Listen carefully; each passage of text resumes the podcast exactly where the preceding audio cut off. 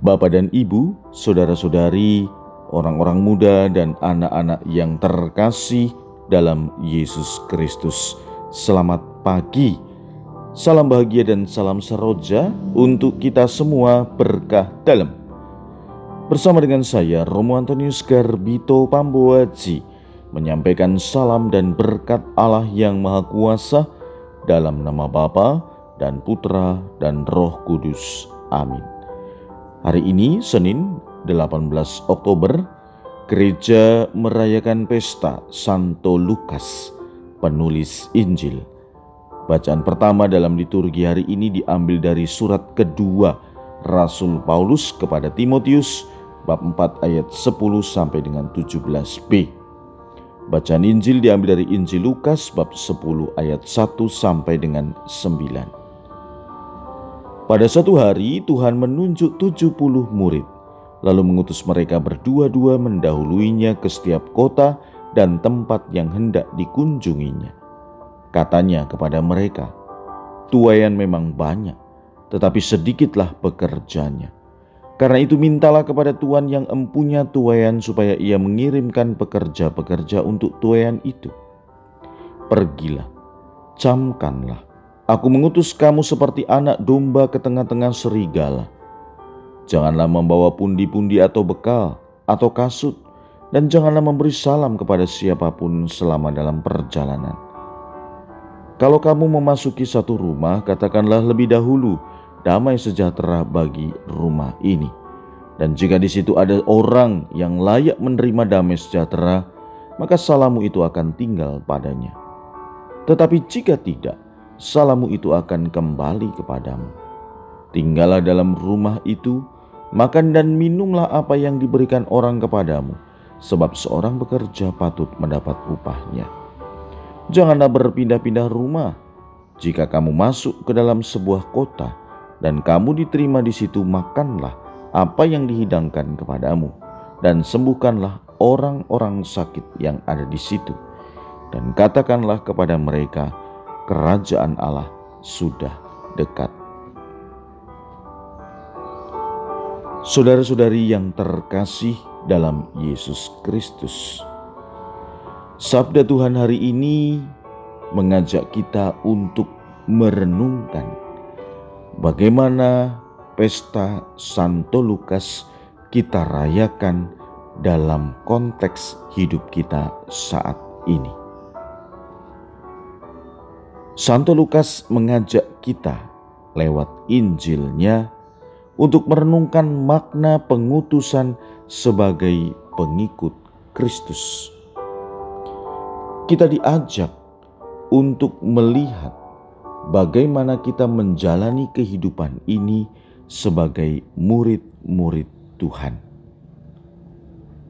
Pengutusan dari Tuhan adalah panggilan untuk bersama-sama dengan Dia dalam tugas mewartakan kabar baik. Tuhan sendiri yang akan memanggil dan mengutus kita. Maka pengutusan ini murni adalah kehendak Tuhan. Perlu diingat bahwa kita ini utusan dan Tuhan yang mengutus kita. Kita ini hamba dan Tuhan adalah Tuhan dari kita. Maka dalam hal ini kita juga diajak untuk menyadari peran kita. Tidak seolah-olah malah terbalik atau menjadi sebaliknya. Betapa indah jika kita menyadari hal ini yakni ketika kita menyadari bahwa Tuhan sendirilah yang mengutus kita untuk berkarya dalam Dia. Dalam Injil, kepada para utusan, Yesus memberikan rambu-rambu tentang apa yang harus dilakukan dan keadaan apa yang akan dihadapi mereka. Ini bertujuan agar motivasi mereka murni dan tujuannya jelas ketika menjalankan tugas dari Tuhan Yesus. Dalam menjalankan tugas perutusan, harus ada unsur sukacita, sehingga menjadi utusan merupakan sumber sukacita. Sukacita sejati hanya dapat dialami jika ada persatuan kuat antara utusan dengan yang mengutus. Karena itu, dalam menjalankan tugas perutusan, hendaknya kita lepas bebas dari segala kepentingan duniawi yang dapat mengalihkan kita dari panggilan Tuhan.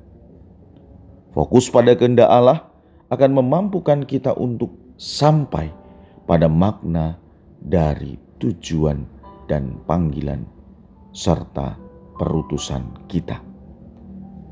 Saudara-saudari, marilah kita sungguh menyadari bahwa dalam kehidupan ini secara manusiawi ketika kita menjalankan tugas perutusan ini dengan dengan rambu-rambu yang disampaikan oleh Tuhan Yesus dalam Injil hari ini bisa saja muncul rasa takut dan cemas. Namun sekali lagi, kalau kita sungguh mengenal Yesus, Sang Guru, yang dengan jelas meyakinkan para murid, tentu juga meyakinkan kita.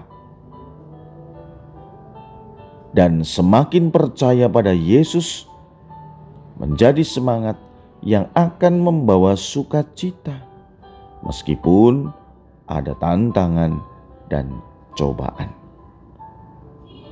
Marilah kita menyadari bahwa pengalaman para murid adalah sebuah anugerah juga bagi kita.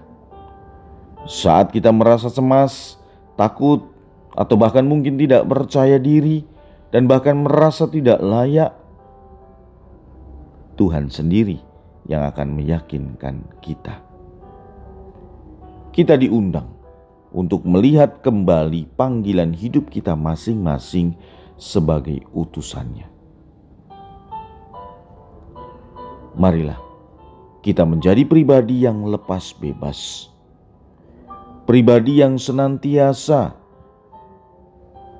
mau mengampuni, pribadi yang senantiasa mau menerima kenyataan yang ada saat ini.